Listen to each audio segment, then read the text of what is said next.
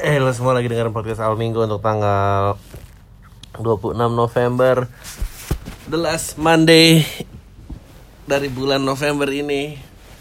Oh nggak ada duit. Belum gajian. Sedih banget ya. Em, Apa ya? Baru ada event stand up hutan. Em, Baru ada apa ya? Nggak tahu lah gue nggak tahu mau ngomongin apa. Gue gue kemarin eh, ketemu video di YouTube.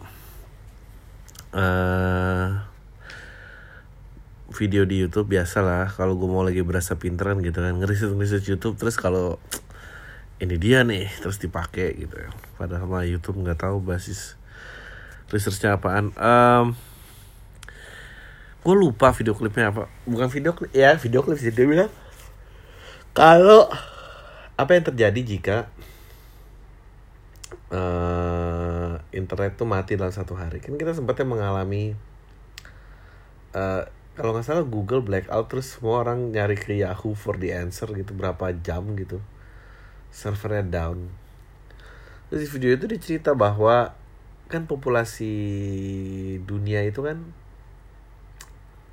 7,3 M kalau nggak salah 7,3 miliar Em, ternyata 4 miliar di antaranya itu hidup tanpa internet akses gitu. Gue eh, ada bagusnya ada concerningnya gitu. Meaning oh berarti nggak semua orang ya udah ter apa terkena racun internet dan ya melek sosial media dan apa ada gitu loh orang-orang yang ya udah hidup dengan biasa aja gitu. Hmm, gue tuh kemarin membahas tentang kenapa eh, nggak kemarin sih kayak ngobrolin gitu kenapa fenomena, Duh, gue kan udah capek ngomongin politik fenomena politik, gue bukan politik mundur sih namanya, politik apa ya namanya, Eh, ya itu eh, puritan gitu ya, eh, ekstrim konservatif, nyebut ekstrim konservatif lah eh faham-faham puritan ini kembali lagi gitu. Em, di Inggris menang Inggris menang di Amerika menang di Brazil menang di Filipina menang. So kalau lu ngeliat sejarah di dunia ya kemungkinan eh mungkin calon nomor dua yang menang ya gitu. Maksudnya gue bukan ini ini video ini netral tapi hanya berusaha memberikan prediksi aja. Karena konektivitas membuat orang punya teman. Lu resapin lu deh konektivitas itu orang punya orang buat teman. Karena gue sendiri percaya bahwa hmm, perubahan itu dipimpin. Perubahan nggak nggak pakai suara nggak pakai hak voting gitu. Em, gue rasa gue pengen nyebut. Pengen tuh ntar gue dibilang ledek agama. Eh ekstrim nasionalis ekstrim konservatif gitu kan ya dulu kan itu kan eh, memang buah-buah pemikiran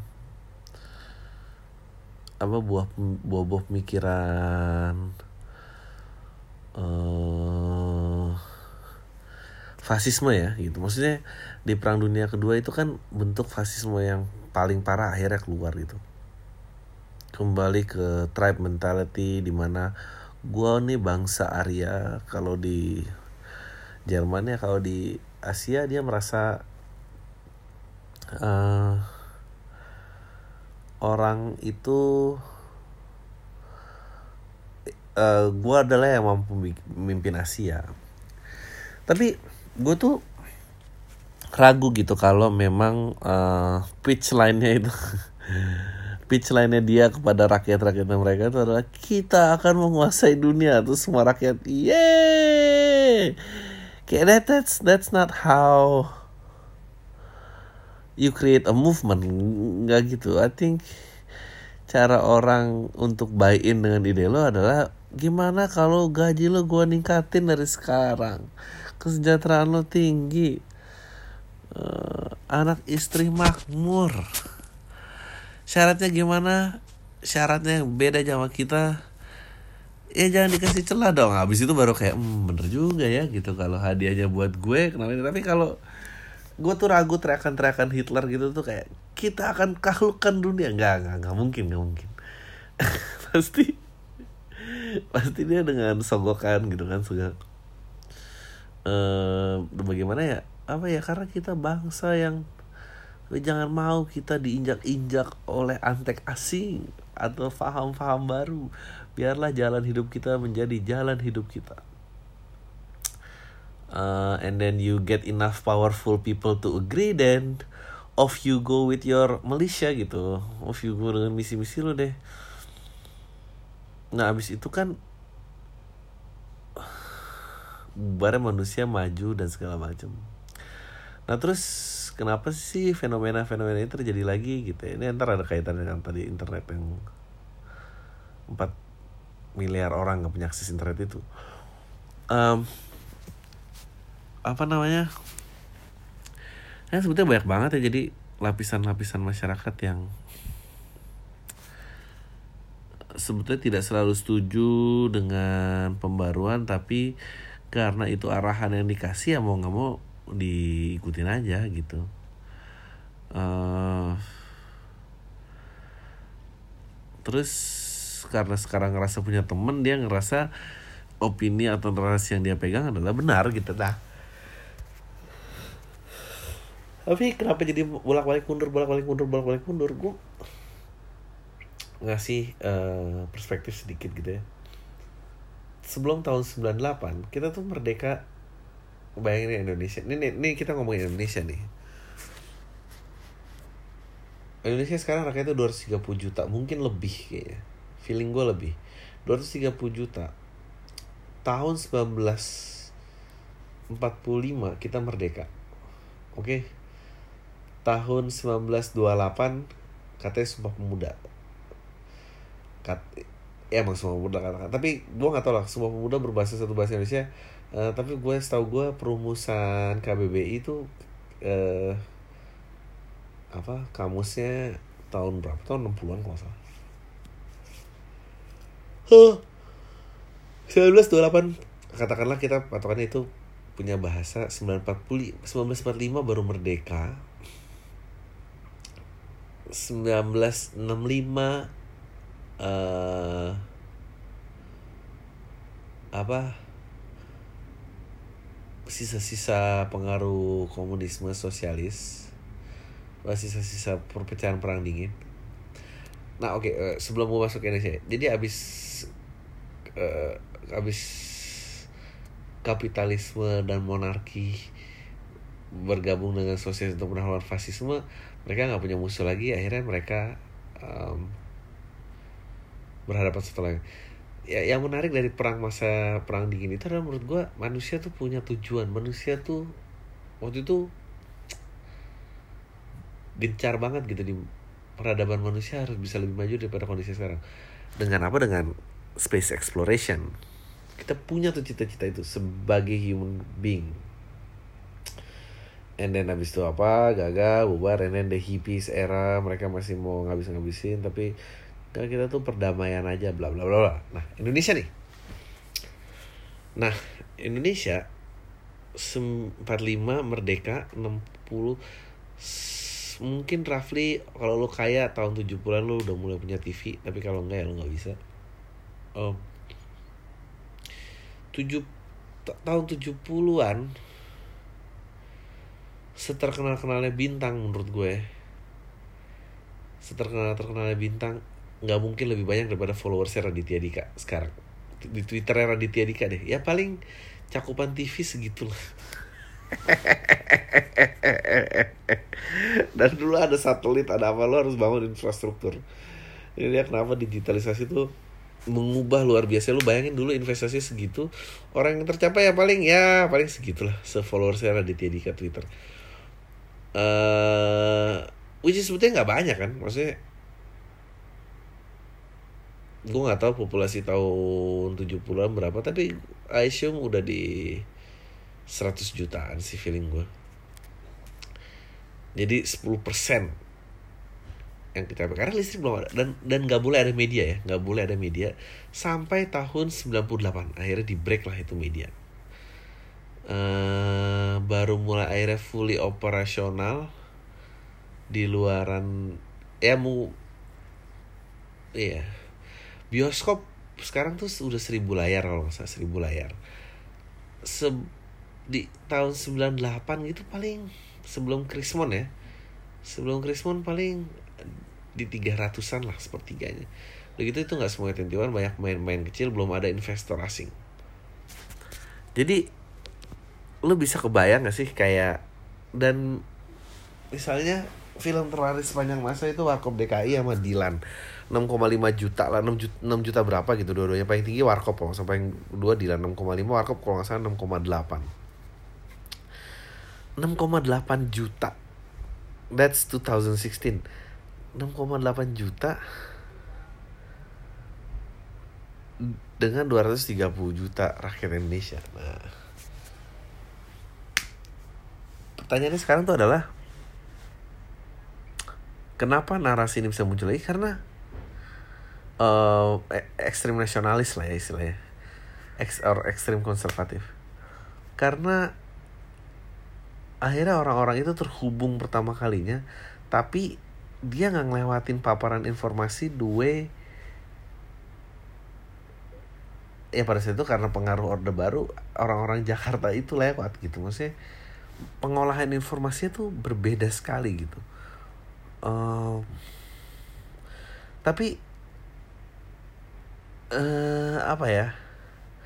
Tapi memang perubahan yang terlalu cepat dan arus informasi yang banyak tuh memang gue nggak bisa bilang itu nggak menakutkan sih. Even gue aja tuh takut maksudnya uh, mulai narasi tentang gaya hidup uh, seksualitas penyakit uh, ekonomi um, it, it, itu mencekam memang. Maksudnya ya um, jadi kalau nggak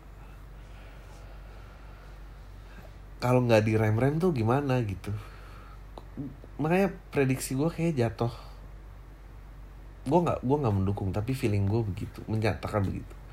Dan ini research kasar gue aja karena karena menang di mana mana pro sebetulnya kenapa tadi gue bawa uh, nilai-nilai perang dingin? Sebetulnya yang perlu ditanya tuh as as a country bisa katakanlah ngomongin sih kita tuh mau ke mana sih kita mau ngapain sih gitu? Ada nggak sih visi yang dituju gitu? Uh, ada nggak sih uh, yang bisa menjadi narasi nasional ya gitu? Narasi nasional kan seems now karena demokrasi gitu ya. Semuanya harus pop dan semuanya harus brosis semuanya harus uh, milenials gue gue nggak percaya sih perjalanan ke bulan tuh kalau pakai voting orang orang kan ya, ya tapi itu kan sebuah lambang di mana manusia bisa melakukan sesuatu gitu. Um, sekarang di Wikipedia tuh 12 eh 12 sama 15 gitu kota metropolitan. Uh, 230 juta 10 persennya ada di Jabodetabek. Sebetulnya kita tuh siapa sih? Kita mau ngapain sih? Gitu. I, I ya nggak nggak ngerti banget gitu. Uh, memang kayaknya harus jadi negara serikat aja gitu menurut gue sih. Biar punya hukum yang berlaku di daerah masing-masing. Uh, yang berat dari perubahan yang cepat sekali ini kan uh, lagi yang berarti kan informasi overload konektivitas luar biasa gitu. Akhirnya semua main dengan temannya masing-masing aja nggak mau cross gitu. Sementara uh, ini dia kenapa uh, konten gitu ya uh, itu menjadi peran yang vital karena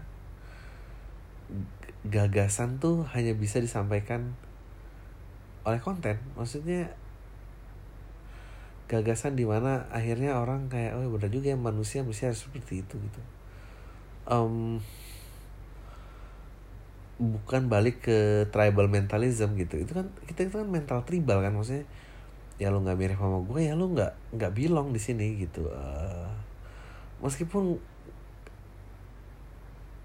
bukan itu hater meskipun pasti karena pekerjaan yang dirampas. Maksudnya itu sama lah kayak kenapa dulu uh, Nazi itu keluar karena pasti banyak uh, arus perputaran um, SDM yang menyebabkan orang-orang nggak punya duit terbengkalai dan apa dan segala macam gitu. Um,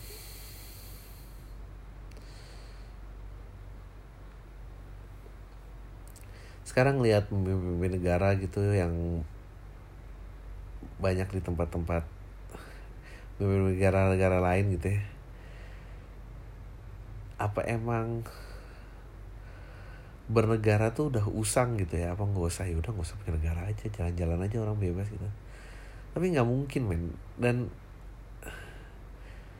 lu bayanginnya dulu kayak uh, kalau gue di zaman batu gitu ya pasti gue udah exit gitu. Kayak eh, ini, ini ngomong ngomong ngomong setempat ngomong eh lu maunya apa? Lu mau A lu apa? A A A. Ya udah kalau lu semua A ya gue B gue cabut lah gitu. Dan gue mati sendiri kali. Kayak bingung aja gitu kayak gue actually dan sebel kenapa pemilu gitu sesuatu yang lo lakukan lima tahun sekali gitu ya kayak kayak memperbarui sim uh, bisa mempengaruhi mood dan pikiran lo terus narasi-narasi orang kencangnya hubungan berkeluarga gitu. Uh, kalau ngeliat misalnya lo tidak setuju dengan liberalisme dan sekularisme ya? Ya itulah pokoknya. Um, tapi nggak bisa karena negara-negara maju lainnya menuju ke sana. Nggak ada yang perkembangannya tuh jadi mundur. Nggak ada yang perkembangannya tuh tapi nggak tahu ya. Oke ini yang menarik ini yang menarik kenapa akhirnya uh, kayak Star Wars gitu uh, dijadiin uh, apa namanya uh, karya sastra gitu sastra ilmiah science fiction. Uh, dia bilang pada saat manusia udah mencapai uh, teorinya di Star Wars adalah pada saat masyarakat sudah mencapai penjelajahan antariksa hmm, kan tadi gue bilang manusia nggak mungkin mundur kan? Memang manusia gerak dari yang uh, tribal berkerajaan and then uh, berserikat demokrasi bla bla bla bla. Di Star Wars itu pada saat manusia sudah mencapai space exploration uh, akhirnya apa namanya konsep kenegaraan tuh runtuh. Begitu saat itu runtuh teori dia adalah balik lagi tuh uh, kayak proses kenabian lagi gitu. Ada orang-orang terpilih dan lu mengikuti uh, apa namanya mengikuti kebijaksanaannya dan aturan-aturan yang dibuat udah itu dijadiin way of life gitu. Sampai akhirnya uh, makanya dia break tuh di episode 7 dia hancurin. Pada saat itu hancur udah bukan tentang the chosen one lagi gitu. Uh, tapi tentang uh, ya udah orang yang mau berusaha keras it doesn't matter anymore. It's about apa gitu lah gue lupa yang dia berusaha menghancur gitu uh, gua, makanya gue tuh selalu suka uh, film-film post apokaliptik atau tentang yang masa depan sekalian karena di situ kayak banyak banget pengajaran-pengajaran tatanan hidup manusia gitu. Kayak Planet of the Apes gue gak tau lo nonton apa nggak Planet of the Apes ya. Uh, aturan pertamanya kan ape do not kill ape kan which is persis banget sama kehidupannya manusia itu ditiru juga gitu kan. Dia ulang lagi gitu. Uh, dan akhirnya pada saat uh, dia masih di tribal mentalism terus banyak konflik akhirnya dia mulai memutuskan uh, bahwa enggak tuh ada yang baik ada yang buruk manusia juga ada yang baik ada yang buruk. Itu kayak ngomong ya perbeda kita beda nggak apa-apa tapi yang penting bersatu dengan baiknya. Dan ya gitulah manusia berusaha merumuskan bla bla bla bla bla bla. Uh, I don't know maybe gue mungkin sebetulnya cuma capek aja kali melihat sesuatu yang ya kok gitu-gitu aja bentuknya. Sama-sama lagi yang diributkan itu maksudnya apa sih yang diributin gitu? And then um, keraguan tuh bukan opsi gitu. Uh, ruang untuk berpikir dan membedah itu bukan opsi gitu. Semua you either you are left atau you are right gitu lo nggak bisa kayak men apa kita bangun sekte aja kali ya sendiri ya? Kita adain pertemuan rahasia tiap minggu.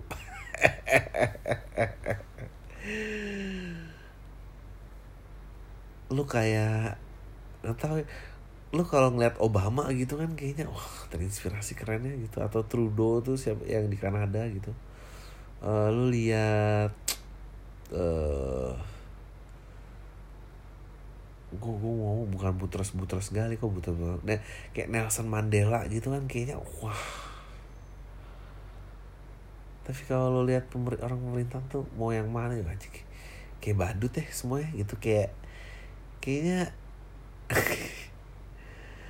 kayaknya kalau gue sekomplek gue ngempesin bannya berani sih gitu. Kayak, kayak gue nggak nggak ada hormat aja gitu nggak ada ini. Yang jadi tokoh ya gitu. Tapi memang gue berkata seperti ini apa? Karena gue tadi berada di Jakarta gitu maksudnya. Ada yang pernah bilang orang yang mewak orang yang terpilih dalam pemerintahan lo itu adalah uh, orang rata-rata uh, orang dengan intelektual rata-rata uh, rakyatnya gitu. Um, ini dia bukan yang paling pintar dia rata-rata. Berarti emang menurut gue gapnya apa jauh kali ya? Maksudnya kalau tadi ngeliat 4 miliar hidup tanpa akses internet menurut lo dari 230 juta berapa hidup tanpa akses internet 230 juta? Menurut gue mungkin maybe more than half. Uh, terus gimana terhibur gimana ekonomi bergerak lo even yang sekarang aja udah anjing have no idea gitu. Gimana ya ceritanya? Orang-orang tuh dulu survive gimana ya gitu. Gue tuh pengen banget ya bisa ngeliat semua karena 10 tahun terakhir sih luar biasa sih menurut gue mengerikannya. Even gue mengaku liberal dan kayak dulu um, uh, banyak orang bilang ah lo mau pola pikirnya ke barat baratan cek ke barat baratan tapi sekarang lihat barat gitu juga anjing mundur. Ya Amerika sih mundur juga ya gitu. Nggak tahu deh kalau kayak negara-negara lain mundur apa enggak gitu. Harus lihat Scandinavian country atau negara-negara Eropa tua sih yang menurut gue uh, bisa dijadikan contoh gitu. Manusia tuh harusnya ke mana? Uh, tapi lo hidup lu hidup di masa perubahan sih memang ini tuh 100 tahun pertama sih ini udah 70 30 tahun lagi. 100 pertama sih luar biasa banget. Lu lu gone from negara yang black out nggak punya listrik uh, buta huruf jauh lebih tinggi sampai menjadi negara dun negara dengan market terbesar ketiga di dunia. How dulu you suppress those changes? How do you protect yourself? Ya, gitu deh, gitu. Gimana coba? Udah gitu setiap narasi sekarang find their own way gitu nggak bisa diblok bahwa look ini tuh ini tuh melanggar men. Ini tuh membuat peradaban manusia mundur lagi kalau lu membenci kaum lain kalau lu Ah, tapi apa iya apa nggak tahu ya. Tapi kan ya itulah pada saat ntar ini ya tribe mentality lagi mengikuti the chosen cie, mengikuti the chosen dan terus hancur lagi anjing lewat udah baca pertanyaan aja. Gue tuh sebetulnya pengen udah unsubscribe SoundCloud. Eh malah diperbaruin lagi lupa gue Ah, ah,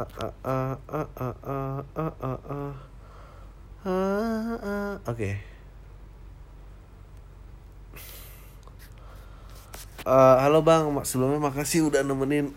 Ah, di Sambi aku kerja podcastnya gara-gara bang Ari aku makin ke Jakarta jadi orang orang yang beda sama orang-orang sekitarku. Aneh ya kalau zaman dulu orang berubah karena teman-teman dekatnya zaman sekarang orang bisa berubah dari orang yang jauh somehow yang ngalamin gitu. Anyway di podcast sebelumnya bang Adri bilang tambah gendut. Ya nggak apa-apa bang gendut aja soalnya aku suka yang cabi.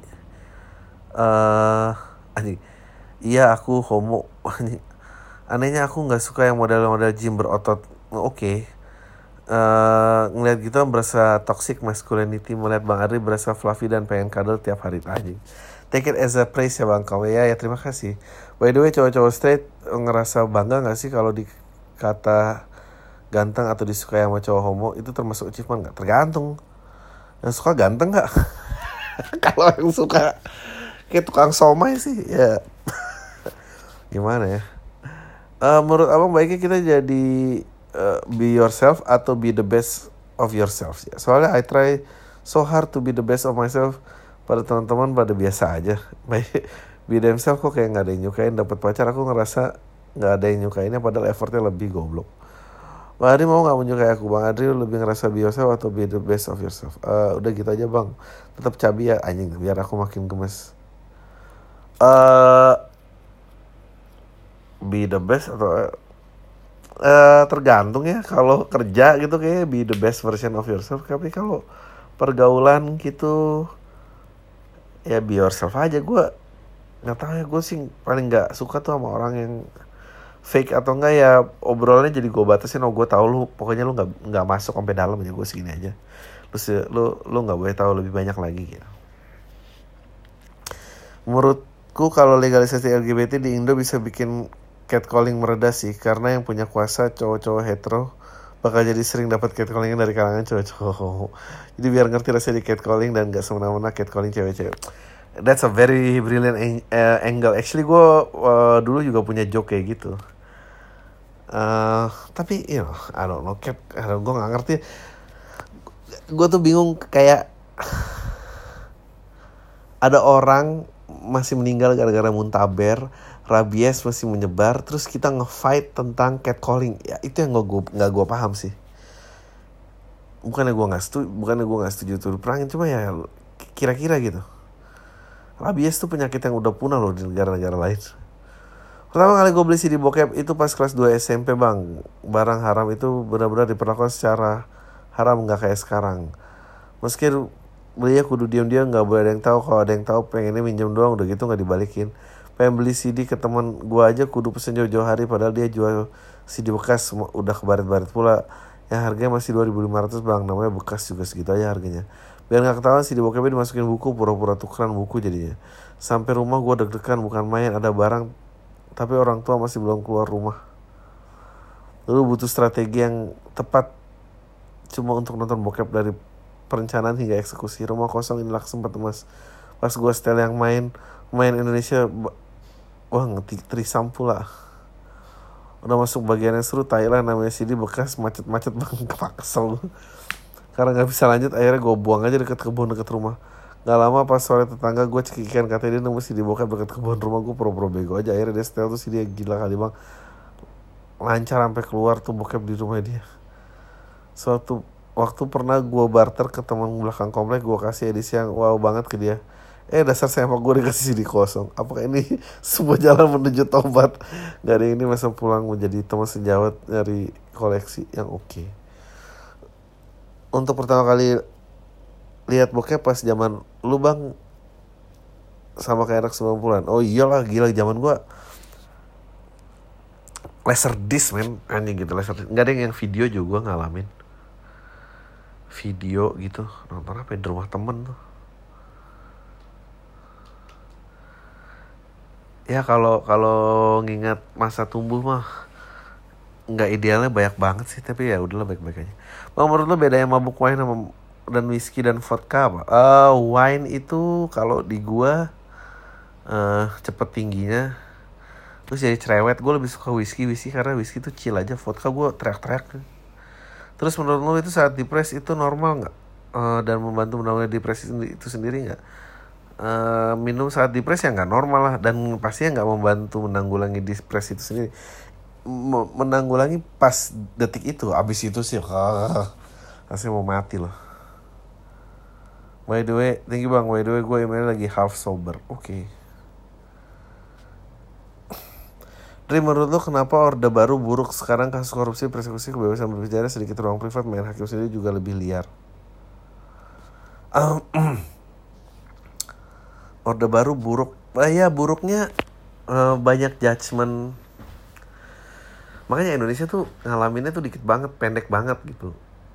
Periodenya dari sebuah rezim yang berkata uh, berkuasa baru lepas sebentar berusaha menuju society yang lebih baik ternyata uh, landscape media udah berubah uh, akhirnya pergesekan antara liberal dan konservatifnya jadi kencang gitu. Dan uh, apa negara udah nggak punya pengaruhnya lagi.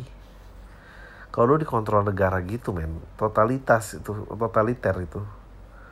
Um, dan kalau gue sih ya kasihan sama kalau di Jakarta ya lu enak kok tapi kalau nggak di Jakarta itu dulu uh, apa namanya politik mercusuar uh, ya biar jadi tiang lampu aja Jakarta gitu maksudnya semua pada lihat ke situ.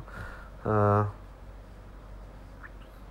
tapi ya susah ya dulu ya di korupsi beda bedanya sih sekarang dulu di korupsi pemerintah pusat sekarang di korupsi pemerintahan daerah masing-masing aja gitu.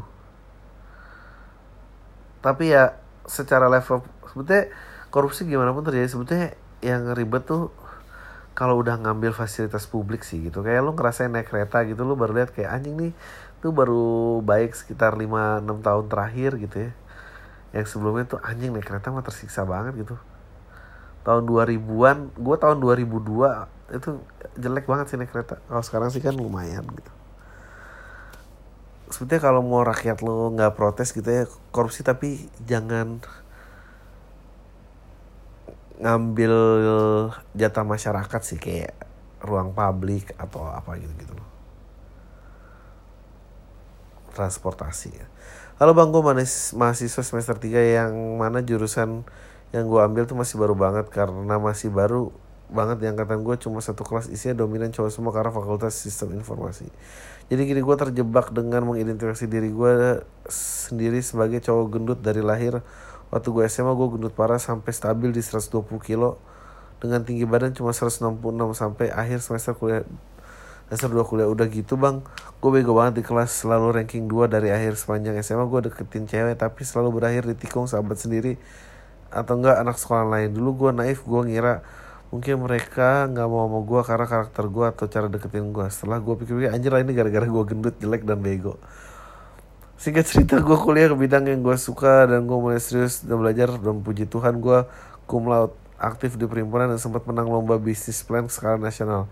Awal semester 3 gue mulai peduli sama kesehatan diri gue dan akhirnya mencintai diri sendiri. Gue diet dan akhirnya ber berakhir nginjak 98 kilo dalam 5 bulan. Masih panjang perjalanan tapi intinya better lah. Nah waktu itu gue iseng ngajakin temen cewek gue yang satu tim yang satu tim lomba sama gue buat nawarin gue ambil raport SMA yang gak gue ambil karena waktu itu guru gue ngilangin raport gue gue diancam gak dikasih uang jajan sama bokap kalau gue gak ambil raport SMA gue mager pergi sendiri by the way rumah gue di Bekasi Timur sekolah gue di Pejaten dan tanpa gue duka cewek ini mau nemenin gue padahal jarak dari rumah ke SMA gue tuh 40 km per lebih. Dan gue pergi sama dia naik motor. Waduh. Dari situ gue kayak ngerasa ada api dalam diri gue yang udah lama padam nyala lagi. Dari situ gue coba deketin dia ajak cecetan mulai coba duduk sebelah di saat kelas buat ngobrol-ngobrol singkat. Dia sempat cerita ada teman sekelas yang deketin dia tapi dia nggak gitu suka. Waktu itu cowok ngajak dia nonton dia selalu ngelak dan nyari alasan gitu berdasarkan iseng beberapa minggu setelah dia cerita gue ajaklah dia nonton. Awalnya gue ngajak dia nonton Doraemon buat lucu-lucunya pas hari H. Dia minta ganti aja jadi Star is Born film romance. Di situ gue mulai pede wah lampu hijau nih. Pas gue lagi makan bareng gue deep talk gitu dan dia ngerasa bener-bener klik sama gue gue coba selipin beberapa pertanyaan dari the 36 question that live to love anjing tai. Supaya makin mengenal karakter dia Thailand ini gue socially awkward banget sampai sekarang.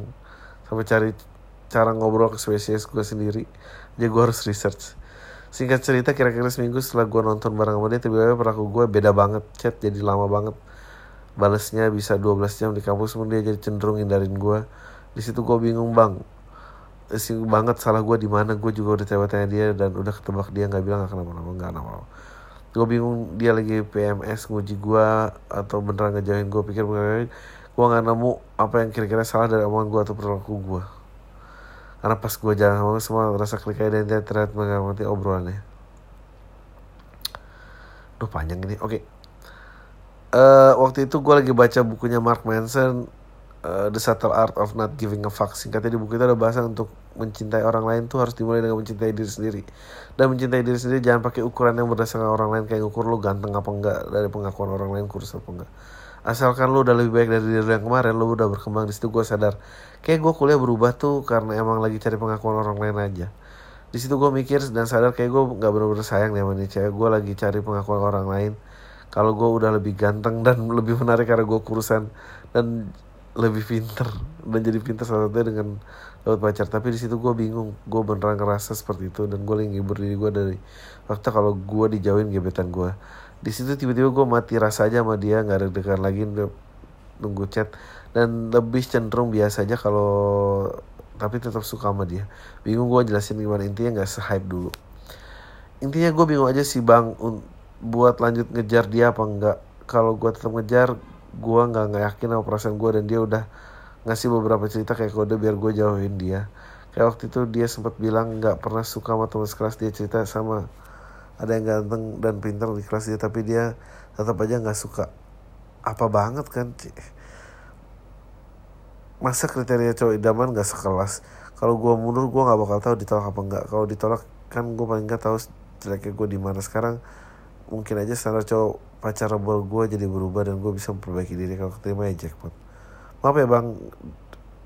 Dibaca nggak apa-apa nggak juga nggak apa-apa. Intinya sih gue lebih lega kalau udah nulisnya gue rasain. Tai tembak aja men. Paling ditolak. Udah habis itu putusin deh. Gitu aja bingung. Halo bang gue mau cerita nih. Gue udah sahabatan sama cowok ini selama 9 tahun. Karena satu perjalanan malamnya kita gitaran di bawah depan tenda. Uh. Seru banget nih ini perempuan ya. Ya lo bang gue mau cerita nih. Udah sahabatan sama cowok ini selama 9 tahun lalu karena satu perjalanan malamnya kita gitaran di bawah bulan di depan tenda. Kita ke bawah suasana yang jadilah di dalam tenda kita head sex. Wah. Sejak itu hubungan kita jadi beda. Kita ngelakuinnya udah tiga kali dalam waktu enam bulan. Gue rasa sekarang kita jadi ada di situasi friends with benefit grup kita pun makin renggang karena gue sendiri ada malas kalau ngumpul.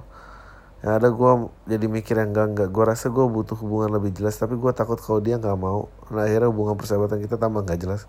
Sebenarnya gue masih blur sih. Ini hubungan FWB atau kita sama-sama belum siap ada hubungan yang jelas karena sama-sama percaya komitmen isu. Menurut gimana bang? Salah nggak sih kalau gue ungkapin perasaan gue yang sebenarnya? Thank you. Udah nanggepin. Eh uh, nggak menurut gue sih harus diobrolin aja uh, diobrolin. Kan diobrolin diungkapin kan nggak harus dipacarin. Tanya aja. Uh, gimana? Ya nggak sih? Assalamualaikum Bang Adri. Ya, Sebenarnya gue mau nanya Ini sesaat setelah video klarifikasi Coki Muslim Tapi gue gak mau mulai dari Gue gak tahu mau mulai dari mana. Sampai akhir ini gue ada lihat yang nge-tweet seperti ini. Arogasi stand up comedy ini menyakitkan sel otakku Indonesia belum siap dengan humor seperti ini. Si anjing udah tahu materi segmented masih aja maksa sem semua orang anggap itu lucu. Jujur gue sangat menikmati konten-konten MLI khususnya roasting yang ada coki muslimnya. Dan gue sangat suka dark humor. Gue pun ngikutin stand dari 2011 tapi gue juga sangat setuju dengan tweet yang di atas. Risi aja gitu bang. Sama orang-orang membela humor-humor seperti itu dibilang Indonesia belum siap atau yang menghubungkan dengan quote Warkop DKI tertawa sebelum tertawa itu dilarang. Gua nangkepnya mereka jatuhnya malah kayak ngerasa lebih open minded dari orang lain. Dan yang bikin gue lebih kesel adalah di reply tweet tersebut ada yang ngomong terus mau lo Indonesia digitu-gituin aja. Indonesia gitu-gitu aja. Bukannya hal-hal kayak gitu membuat kita sama aja sama orang yang ngecam MLI ya bang. gua tahu yang ngomong stand up komedi cerdas Indonesia belum siap dan sebagainya itu tidak lain adalah para fans. Sama kasusnya seperti fans bara suara, bara suara yang terkesan ngomong, nah ini baru musik yang lain sampah ya bener sih sama sama setuju juga. Terlalu mengagung-agungkan lirik sophisticated berbahasa Indonesia dan akhirnya membuat membuat banyak yang nggak suka sama musik indie ini karena fans. Menurut gue petetik aja gitu kalau harus menjelaskan sarcasm is sarcasm atau satir atau soalnya sampai ada yang bikin artikel beda satir sama sarkas gara-gara fans Amerika keluar-keluar itu. Kalau cuma sarkasme padahal harusnya satir aneh banget yang kayak gini aja harus diperjelas. Seperti yang Bang Adri pernah bilang di episode pertama paham kita udah milih jalan hidup melawan arus ya jangan ngarepin pengakuan dari orang lain. Terus lo analogikan dengan orang lain yang memilih karir sebagai tato artis masih pengen diakuin keluarganya. Ya sorry kalau ada salah bang kira-kira gitu ya. Gue belajar di podcast lo kalau kita jangan pernah merasa moralis superior sedangkan yang dilakukan fans Emily adalah kebalikannya mungkin fans Emily yang dengerin Pam cuma 5 persennya kali ya. 5 persennya anak Eji di antara anak Eji lainnya. Menurut gua kita sebagai minoritas yang suka sama komedi seperti itu cuma bisa sadar diri aja sih diam aja gitu. Kecuali konteksnya kasus coki muslim ini udah dapat persekusi dan lain-lain merasakan hidup orang terdekat. Gue pengen nanya pendapat lu bang tentang fans stand up komedi khususnya Emily yang model begini. Apakah ternyata gue salah uh, sorry ya kalau panjang in, dan sorry juga mungkin kayak gue email tanpa sadar dan menjadi orang moralis seperti itu but I hope not. Mau lihat tweet yang tadi uh, barangkali lo mau lihat. Thanks sudah dibacain sukses terus bareng uh,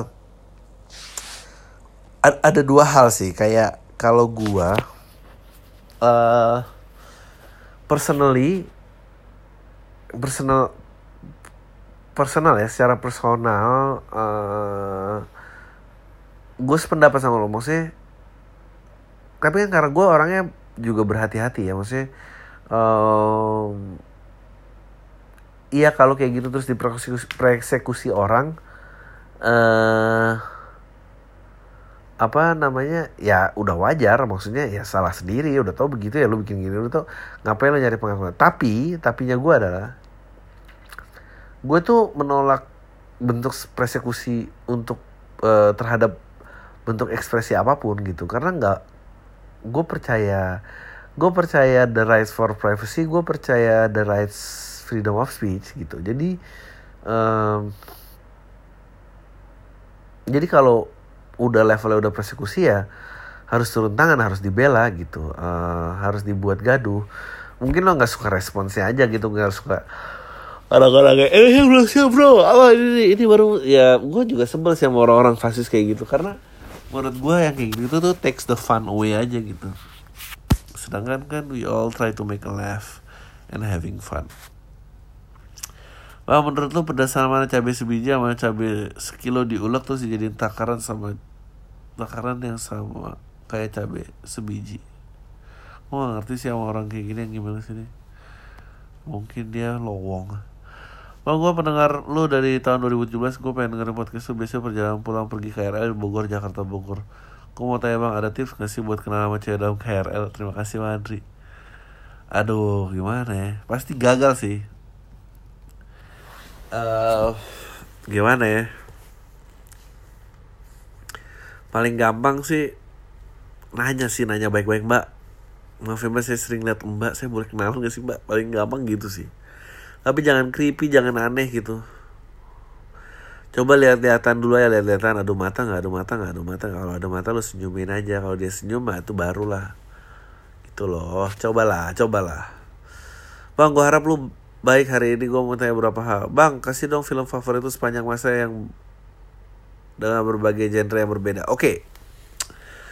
Superhero movie tonton Watchmen. Uh, lo harus film romantic komedi tonton uh, When Harry Met Sally sama Something's Gotta Give. Uh, film Indonesia gue suka sang penari berbagi suami eh apa lagi ya kalau film barat action action. Oh thriller gue suka banget Saw yang pertama. Orang masih nonton gak ya? Eh horror gue Conjuring. Eh romantic comedy udah. Eh kalau crime crime Godfather 1 2 3 eh kalau Hong Kongnya eh, Infernal Affairs. Infernal Affairs itu juga trilogi tuh eh udah. Terus gue masih bingung bang dengan film Big Short. Ya, mungkin lo bisa jelasin garis besarnya anjing. Eh Big Short tuh film tentang ada empat orang yang bertaruh bahwa nanti ada eh, Big Short tuh apa ya? Kalau nggak salah arti gue lupa sih waktu itu pernah bahas Short tuh pokoknya menang banyak dalam periode pendek atau eh ya taruhan banyak dalam periode pendek. Atau apa gitu shortnya lupa gue istilah investasi kok itu. Em, ya garis besarnya dia memprediksi bahwa nilai nanti nilai properti akan bubblingnya pecah. Dan pada saat pecah eh, bank nggak bisa ini dan ternyata di Wall Street itu diterima bentuk-bentuk taruhan kayak gitu bisa dijadiin taruhan bisa dijadiin investasi. Gitulah. Rebang gue kan fansnya Derrick Rose ya dari dia masih di Bulls. Menurut sudut pandang basket lu nih bang kira-kira dia bisa bawa Minnesota juara nggak? Atau nggak bisa bisa MVP nggak season ini? Nggak mungkin men. Thanks bang. Tuhan berkati keluarga lo. Eh, nggak mungkin men. Minnesota nggak mungkin MVP juga nggak mungkin. MVP tahun ini mah menurut gua kalau nggak LeBron James eh, Kevin Durant eh, James Harden itu masih kandidat kandidat kuat Derrick Rose mah udah nggak bisa men. Apalagi juara. Minnesota tuh mana sih? Minnesota tuh East apa sih? Prediksi gue ya kalau East itu adalah Boston top 4 ya Boston Sixers. Boston Sixers um, Philadelphia eh Philadelphia Sixers ya. Eh, gue kemarin ada empat gue kemarin bahas ini apa aja ya empat gue ah kalau West mah rame. Ya gitulah. Oke Bang gue perantau berumur 29 tahun dengan pendidikan terakhir SLTP Mau sharing stand up boleh ya? Karena lu kebetulan tiga komik yang sangat menginfluence gue setahun belakangan ini bersama Louis C.K. dan Kang Soleh JR Eh, gua udah empat tahun stand up jika dihitung dari pertama kali open mic dan dua tahun pertama gua nggak gabung komunitas. Karena gua ngerantau. Karena ngerantau gua nomaden baru baru belakangan gabung komunitas dua tahun belakangan ini. Di awal ikut stand up antusias banget karena punya pride yang pengen gua kejar. Ya tau lah itu bukan masuk suci tapi setelah audisi akhirnya udahlah. Ah ya tau lah pride yang dikejar itu apaan kalau bukan masuk suci. Tapi setelah ikut audisi akhirnya ya udahlah. Gak terlalu menggabung-gabung juga cuma sekedar jalan aja. Sempat vakum setahunan dan benar aktif lagi tahun 2013 sampai sekarang. Masih rajin open mic seminggu sekali. Tapi belakangan ini dan belakangan ini gue nulis jika kesel sama sesuatu cuma ditulis doang tanpa gue gali dikembangin karena gue bener-bener gak punya waktu luang dan untuk khusus mikirin premis di arahin ke mana. FYI gue kerja di rumah makan yang kerja 15 jam kurang lebih. Jadi bener lah kurang jadi benar-benar menguras energi dan pikiran. Fuck lah pendidikan memang penting. Goblok. Akhirnya gue tiap kali open mic cuma kayak ada orang curhat aja dan nyaris tanpa titik tawa. Sebenarnya gue nggak gitu peduli atau merhatiin juga kayak ada yang tawa apa enggak karena gue cuma pengen curhat aja bang. Stres dengan kerjaan dan berteman dengan orang yang so asik di tempat kerja uh, gue cuma ngejadiin open mic untuk ngeles uh, sekedar ngelapas penat dan gak peduli orang ribur atau enggak karena gue nggak punya waktu untuk buat mikir gimana cara bikin orang ketawa. Tapi kemarin teman-teman komunitas gue ngomong mental lu kuat juga ya nggak ada merhatiin tapi tetap ngoceh. Emang kerasa lu nggak perlu orang jadi materi stand up gitu supaya lucu? Sayang lo bakat lu tuh besar tapi disayang gitu aja. Lu udah pernah naik panggung besar juga tapi belakang ini gue cuma liat lu kayak orang pengen cerita aja curhat gitu kasian aja ngeliatnya nggak ada yang merhatiin lu udah lama di level stand up masa gini, aja saatnya lu naik level. Gue dalam hati tai ini orang. Kenapa? Kan cuma karena nggak ada yang merhatiin lu kasihan ke gue gue juga baik-baik aja dan gak ngerasa desperate sama karena nggak dapet tawa karena tujuan awal gue memang cuma pengen cerita. Uh, gue udah nggak punya pride yang pengen gue kejar. Gue cuma pengen ikut stand up karena hobi. Sama kayak gue hobi main bola. Tapi gue juga ngiyain apa yang dia katain gue menurut lo gue harus tetap di tujuan awal atau keluar dari itu berusaha lebih keras biar tiap kali gue open mic dapet kelas sebenarnya gue nyaman nyamannya begini open mic karena ingin gerutu aja. Tapi sini gue pengen gali lebih dalam biar bisa ada titik tawa. Cuma waktu gue nggak banyak untuk ngolah premis. Makasih bang. Ayo, uh, menurut gue sih ya lu cuma pengen lepas stres apa lu pengen jadi stand up comedian gitu sih? Kalau lu pengen jadi stand up comedian harus jadi ketawa ketawa. Tapi kalau emang cuma mau gitu doang ya uh, udah curhatannya nggak apa-apa juga. Emang mau jadi apa men? Ini email kedua saya bang. Saya mahasiswa yang dari Lumajang yang kuliah di Malang yang kemarin bilang susah cari cewek di kota Malang tapi akhirnya gue nemu cewek. Dia kuliah di Jember juga tapi tetap aja dia hasilnya lumayan. Kemarin kan gue cerita kalau susah banget dapet pacar gara-gara gue difitnah. Uh, yang membuat gue mentok nggak bisa nggak bisa deketin cewek satu kabupaten uh, tapi yang ini untungnya nggak terpengaruh virus mantan gue tapi gue bingung nih bang. Mau tembak apa nggak? Karena cewek ini waktu gue kelas 1 SMP gue pernah ditolak sama dia. Dia juga cewek yang bilang uh, cewek baik-baik gitu bang. Sedangkan gue sendiri nggak bener. Tapi setelah dengerin podcast abang kemarin keinginan saya untuk kebutuhannya seperti di kebutuhan gue yang bisa ngerubah gue jadi lebih baik. Akhirnya minggu kemarin gue ke Jember cuma buat nonton Susana sama dia. Dan dia agak respon gitu saya nyesel nonton sama dia bang bukan karena dia tapi ternyata harga new green tea di bioskop dua puluh ribu. Harga new green tea dua puluh ribu dan gue sosokan beli dua tai emang. Kira-kira gue mulai harus berani tembak dia emang kayak atau gue memperbaiki gue dulu agar kita bisa seimbang gitu loh makasih.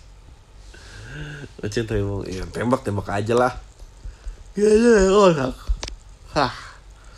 Gue mau ceritain deh bang. Gue masih semester lima dan kemarin dapat tawaran kerja. Tiap weekend kerja, kerja tiap weekend di salah satu resto di dalam tempat wisata. Saya bimbangnya gini bang. Saya bisa kerja di situ asal saya potong rambut by the way saya gondrong. Tapi rambut saya ini adalah hal yang menyakitkan bagi saya. Ingat juga gimana saya susah sabar banget panjangin rambut ini. Tapi saya juga pengen kerja sih bang duitnya lumayan tapi saya belum potong rambut saya udah curhatnya masalah kartu mereka agak menyayangkan kalau saya nggak terima masa tawaran itu teman saya teman-teman saya lain juga sama saya berusaha cari kerjaan freelance tapi yang bolehin gondrong. Meskipun gak, agak susah di daerah saya by the way saya dari Batu Malang. Nggak tahu saya bingung banget masalah ini. Usia saya 21 apakah sudah saatnya saya melepas identitas gondrong saya demi dapat uang? Meski bisa cari kerjaan lain yang boleh gondrong walau agak susah. Saya pengen dengar pendapat abang aja gimana meski saat emailnya mau membaca saya udah ambil keputusan itu mengenai tawaran itu bang. Itu aja sih. Makasih udah bacain. Ah potong rambut lah lo bisa mandiri nggak ya kalau nggak bisa mandiri ya gimana dong uh, iya gak sih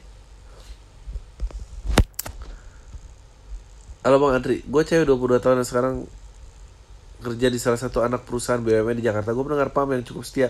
Tapi baru kali ini gue berani buat email lo bang. Gue mau cerita dan minta saran lo jadi gue ini anak angkat. Gue ikut orang tua angkat dari umur 2 tahun. Orang tua angkat gue dari orang yang berbeda dan berpangkat. You know what I mean lah. Oh. Gue diangkat keluarga ini karena nyokap angkat gue nggak bisa punya anak uh, dan keluarga kandung gue yang punya masalah ekonomi. By the way gue sesuatu anak yang keluarga angkat gue ini punya. Oke. Okay. Seru banget nih kehidupan gue dari kecil bisa dibilang tragis. Bisa dibilang tragis ya enggak? Oh kehidupan gue dari kecil dibilang tragis ya enggak? Oh gimana sih? Dibilang senang ya enggak juga. Oh gini. Kehidupan gue dari kecil dibilang tragis ya enggak. Dibilang senang ya enggak juga. Soalnya materi pakaian bagus dan lain-lain terpenuhkan. Bahkan kalau dibanding teman-teman gue entah kenapa gue merasa gue malah merasa kasih sayang diberikan orang tua angkat gue kurang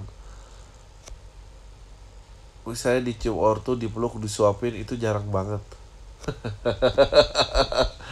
Tapi kan lu udah tua, lu udah 22 tahun.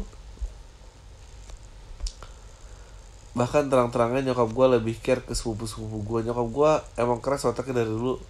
Secara dia aparat negara dan dididik secara keras selama masih berpendidikan.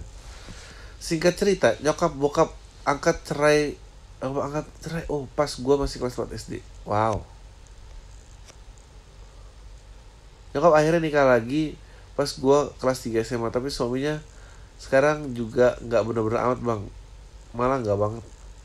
Beda banget sama suami pertama nyokap. Pokoknya hubungan rumah tangga nyokap dan suami kedua putus nyambung deh. Wow. Dan gue ngerasa nyokap berubah drastis jadi suka main tangan ke gue wow. Setelah mendekati masa-masa pensiun nyokap umurnya sekarang 57 tahun by the asumsi gue sih nyokap takut di masa pensiun nanti gak bakal ada teman hidup dan segala emosi dia di kantor atau emosi dia ke suami keduanya dilampiasin ke gue secara di rumah cuma ada gue nyokap dan membantu Kayak pada akhirnya gue berantem sama nyokap karena gue gak terima selalu jadi kambing hitam yang disalah-salahin, dimaki-maki keras secara verbal. Pokoknya dia lagi kesel sama orang lain. Yang yang pertengahan Januari 2017 nyokap gue ngusir gue dari rumah mana gue di situ posisinya lagi PKL dengan muka gue yang terdapat luka cakaran gue akhirnya tinggal di rumah teman gue ah dengan muka gue yang terdapat luka cakaran gue akhirnya tinggal di rumah teman gue yang yang tempat PKL-nya sama sama gue sampai April 2017 baru nyokap gue nyuruh pulang ke rumah. Kemudian kejadiannya berulang tapi masalahnya gue berantem sama nyokap beda sama yang pertama Habis gue wisuda September, posisi nganggur dan nyari-nyari kerja, nyokap ngusir gue lagi di bulan Desember 2017. Anjir gak ada setahun gue diusir dua kali bang. Nah Ali dia mau mengembalikan gue ke keluarga kandung gue karena kewajiban dia nyokolahkan gue udah selesai. Oh. Keluarga besar nyokap bilang sama gue ini cuma temporary after two weeks gue bisa balik ke rumah lagi padahal kenyataannya enggak. Dengan tabungan seadanya gue pulang ke rumah ortu kandung gue di situ gue sadar nggak mungkin gue nyusahin keluarga kandung gue yang nyatanya juga kekurangan gue memutuskan untuk ngekos sambil nyari kerja.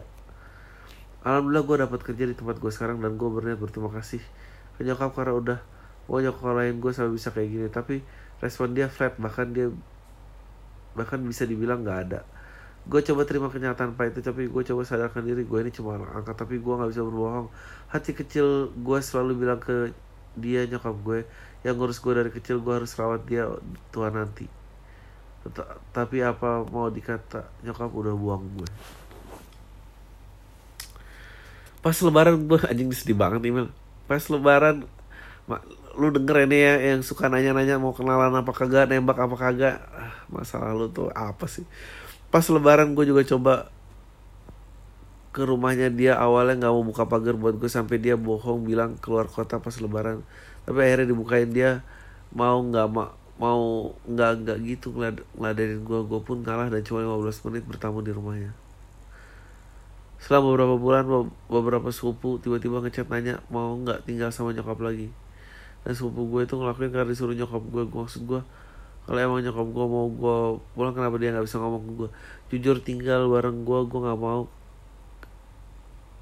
Nggak mau bang karena gue udah meras pernah dapat ancaman mau dibunuh kalau dia main tangan juga ke gue gue cuma mau hubungan gue dia baik aja gue berkunjung dan tetap urus dia meski gak serumah sampai kemarin gue izin mau ke rumah dia nengok dia tapi dia alasannya nggak pernah di rumah terus. Menurut lo apakah hubungan gue dan nyokap angkat gue masih bisa diperbaiki? Nyokap tuh kenapa sih ke gue baiknya gue ngomong apa ke nyokap? Soalnya bang panjang banget. Ini gue udah sangat singkat. Gue thanks banget kalau mau bacain kisah gue dan kasih saran. Desember 2018 ini gue genap setahun diusir. Mudah-mudahan punya hubungan yang nggak baik sama nyokap. Uh, mudah-mudahan saran lo bakal ada miracle 2019 sukses terus uh, obviously lu aja lu sih harus lu lu, lu, lu sih dewasa luar biasa ya maksud gue uh, mungkin lo harus bisa tanya ke nyokap. Eh lo harus bisa maklum. Kayak nyokap juga kan keras banget tuh ya uh, pertumbuhannya dan ya dulu nggak punya anak angkat lo juga pengen punya anak karena memang susah sih koneksi itu kan susah ya. Maksudnya kadang yang biologis saja uh, yang biologis aja tuh uh, terputus. Apalagi yang non biologis gitu nggak ada fondasinya gitu. Dan dia orang yang uh, melewati banyak perpisahan. Jadi dia juga sudah terbiasa ditinggalkan orang dan apa dan uh, ya mungkin kalau lu mundur juga cuma membuktikan tuh kan gue akhirnya ditinggal juga. Menurut gue sih coba berbicara baik-baik aja gitu sebagai orang dewasa ke orang dewasa. Itu yang sangat susah dilakukan orang tua melihat anaknya gitu. Selama lamanya di mata dia tuh dia anak kecil. Tapi lu luar biasa sih menurut gue udah menerima perlakuan kayak gitu lu tetap mau merawat dia dan segala macam. Diajak ngomong aja gitu. Dia bilang diajak ngomong bilang bilang kemauan lo adalah gue pengen lihat lo gue pengen bisa ngerawat lo tapi gue tinggal di ya lo bilang bahwa tinggal di sini juga nggak mungkin karena gue takut dengan ancaman lo dan apa segala macam tapi semoga lo bisa mempertimbangkan ini baik-baik dan tanpa emosi. Dan pada saat dia emosi jangan lo ikutin emosi aja ya udah kalau misalnya lagi teriak gitu atau apa gitu bilang. E, sudah boleh biasa lagi boleh ngomong lagi. Eh sangat susah memang itu nggak kepancing emosi karena biasanya kalau udah kesulut semua jadi kesulut but you know I think your story is remarkable uh, tapi pasti susah lah kalau udah 50 tahun ke atas gitu untuk di gesek-gesek. Menurut gue uh, jalanin aja. Kalau lo kangen ya lo kunjungin. Kalau enggak ya lo sibuk sendiri aja. Tapi kalau kangen lah berkunjung gitu coba berbicara yang baik aja. Ntar kalau energi yang nggak ada ya ntar omongin lagi kalau lagi ada. Mari tamunya Spicy Talks dong. Spicy Talks siapa sih?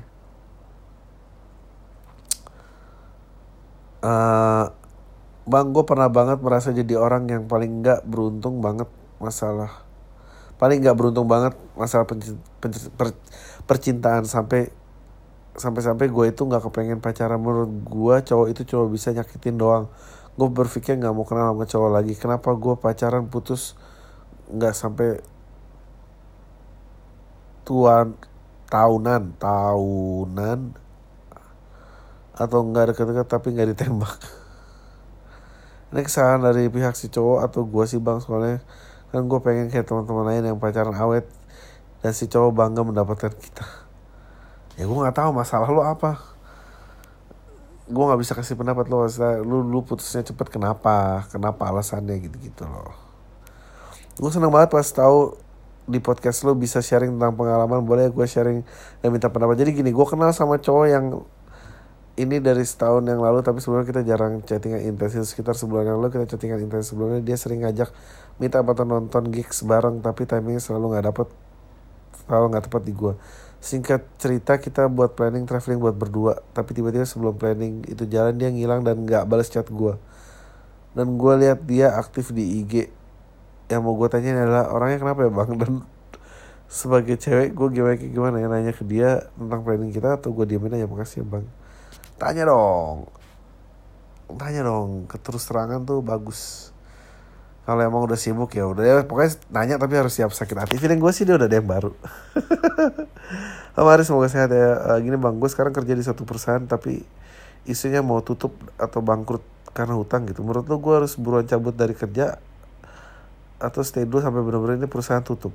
Lah ini banget kalau buat buka lebih lah gantinya ada nggak? Kalau ada gantinya ya boleh cabut. Kalau nggak ada gantinya ya mau gimana? Pilihannya apa? Opsinya ada mau nanya abang turun terjun ke dunia nul, dunia kayak nulis skrip dan lain-lain karena sadar udah punya basic di bidang lain itu atau terjun dulu dan mulai belajar dari awal? Makasih. Uh, basic nulis gue kan advertising terus kalau nulis skrip gue sih belum pernah ya ya dasarnya advertising jadi pengembangannya nggak jauh. Kalau misalnya ada durasi aja kayak radio kan satu menit gitu ya. Iklan juga ada yang 30 detik satu menit tiga menit.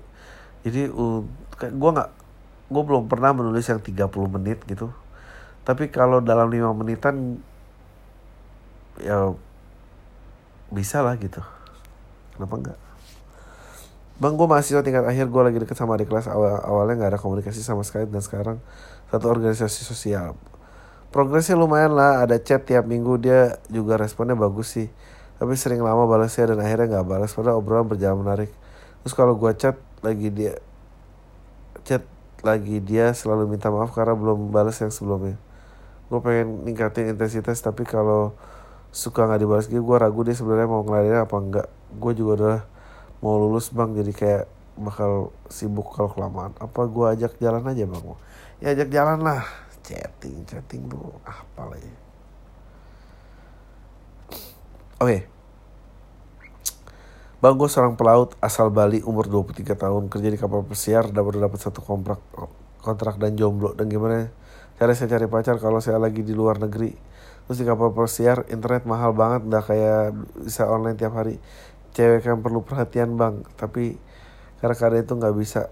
Kayak baru chat hari ini online baru bisa dua minggu. Gimana mau PDKT udah duluan ceweknya diembat orang lain. Terus liburan cuma dua bulan gimana mau dapet yang serius bang? Habis itu ditinggal gimana cara dapet pacar?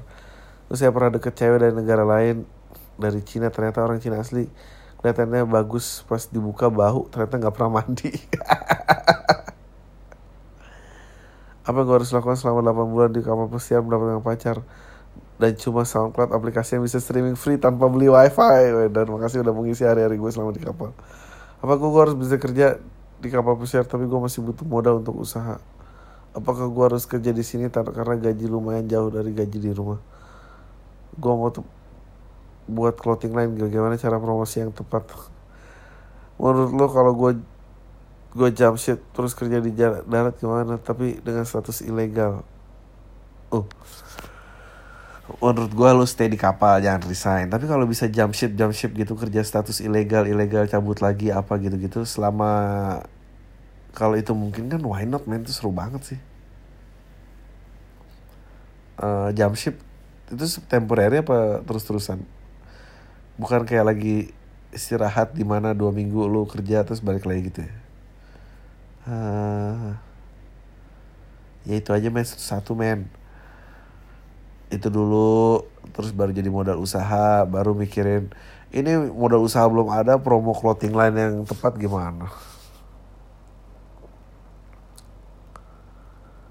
Uh, Oke. Okay. Ini pertama kalinya gue ngirim email ke lu bang dengan dengar podcast dari tahun lalu. Nama gue, uh, gue cewek, gue masih single, usia gue 25 tahun karena gue lagi susah move on setelah bertahun-tahun sama dia yang bakal gue ceritain nanti. Kayaknya gue udah kerjain ini. Eh, gue udah nonton, eh udah baca ini. Nanti, kita sama-sama suka adik tingkat kelas gue pas SMA pas saya lagi kuliah di Jogja. Dia baik banget. Sering teleponan sering apa liburan ke Jogja.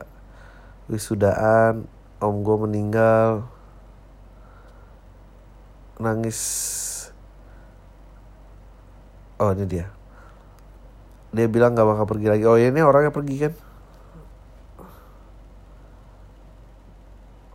Udah pakai yang akhirnya cowoknya udah pergi udah pakai apa namanya punya baju kapal. Enak. Bang tanggepin lagu gue dong. Ini lirik lagunya. Code song fake fake I'm so happy I'm alone. Till I enjoy to be alone. Do lonely spiral theory I'm paid baby. I'm paid baby for alone. Thank God I'm alone. Peaceful just coffee. Ah gak tau ah liriknya. Ya ntar gue setel deh. Susah main gak ada musiknya. Bang gue masih sih umur 20 tahun. Um, di umur segini gue pengen punya pengalaman sebanyak-banyaknya menurut lu bang di umur 20 tahun ini hal apa aja harus milihnya kayak gue ini coba biar nggak kudet-kudet amat sama perkembangan zaman yang dinamis ini? Pacaran udah pernah belum pacaran? Uh, kerja sih. Kerja nabung keluar negeri. Keluar negeri atau traveling keluar kota aja pindah-pindah ke mana kayak. Jalan sendirian. Mulai pede dengan pilihan sendiri baru ntar oke. Halo bang. Salam super gue orang cowok 21 tahun lalu. Udah berapa bulan nih isi aneh cuma podcast lu doang. Dari sudut pandang lo itu sangat relevan dan genuine. Pam motivasi gue membuat podcast juga. Mungkin boleh dengerin menurut lo bagus nggak? Kalau boleh nggak di shout di pem kalau nggak juga nggak apa-apa. Nah podcastnya arti hidup zaman now. Ini silahkan dicoba ya arti hidup zaman now kalau mau tanya apakah sebuah ketidakniatan podcast dan mengeluh ada teknik marketing lo keren sih yeah. ada deh Bang, gue gue yang minta foto di acara kita berhak. Gue mau nanya pandangan lo sama berhubungan beda agama apa bang? Oh ya nggak nggak ada menurut gue nggak apa-apa bagus. Menurut gue uh, ya itu yang harus kita pertarungkan hari ini sebelum masuk era-era LGBT dan segala macam. Ya kalau sudah cinta mau gimana ya kasih. Mau nanya dong top 3 jokes yang menurut lu paling bagus atau lucu dari stand up komedian lokal dan luar? Tiga dari luar tiga dari lokal gitu. By the way kabar LPLK gimana bang? Sebetulnya LPLK udah jadi tapi gue lagi mau jual ke OTT platform atau gue jual sendiri. Gitu deh. Kalau nggak dapet ya paling mm, gue kan mau stand up kayaknya sih abis uh, abis milu lah pokoknya. Nah, paling ntar deket-deket situ tuh gue jualan. Kalau tiga dari lokal apa aja yang keinget yang paling bagus ya. Uh, yang gue paling berkesan akhir-akhir ini ya joknya Mamat tentang tidak mendukung kegiatan seksualitas uh, eh, LGBT uh, dia punya pengalaman sama orang uh, Manado kalau salah lucu banget lah itu. Um, siapa lagi ya?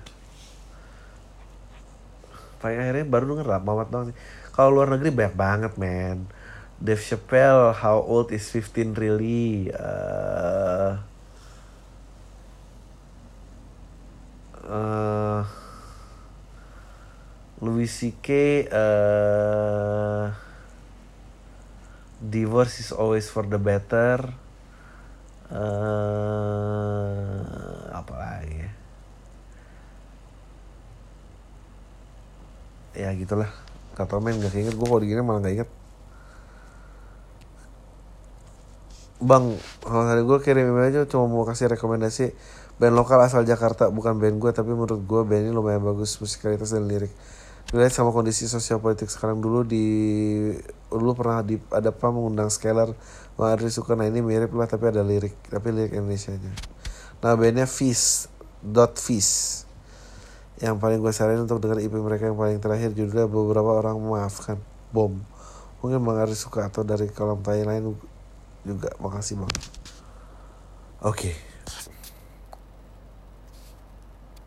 itu jam 15 menit nih Uh, bang, konsepnya friend with benefit tuh gimana sih bang? Aku FWB sama temen di kantor lama aku sebut saja Koko emang dia Cina sih. Udah lama bang, hampir setahun dia udah punya cewek dulu yang aku yang dulu single mau mau aja sama dia soalnya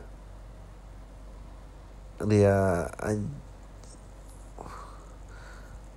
bingung juga sih antara ya sayang dan atau kebutuhan biologis aja gitu kayaknya si Koko ini ngakuin memang dia juga sayang sama dia juga sayang dan lebih puas kalau main sama aku daripada sama pacarnya. Tapi kalau tapi ya karena banyak faktor jadi nggak bisa kalau dia ninggalin pacarnya buat aku kayak perbedaan agama sama ras gitu deh. Si Koko ini dampak positif banget sih ke pribadi aku. Kayak suka ngasih nasihat-nasihat bermanfaat gitu mulai dari pekerjaan keluarga ngatur duit sampai milih cowok nah sekarang kondisi aku baru punya pacar nih bang kira-kira. Aku kira aku bisa stop FWB-an sama Koko ternyata enggak. Aku masih ngerasa butuh Koko gitu. Masih enak main sama Koko juga. Buat FYI aku nggak sampai free sex gitu sih mainnya. I'm still a virgin. Lol aku nggak berani bilang ke pacarku yang sekarang ya, jangan bilang lah ngapain harus gimana bang?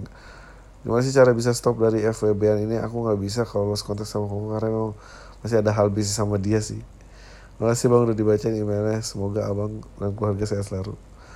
Kurangin mabu-mabunya bang. Eh uh, tahi ya dibilang aja koko koko.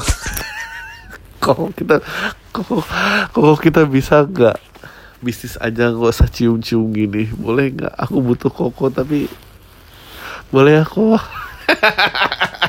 udah itu aja. Tayo semua. Deh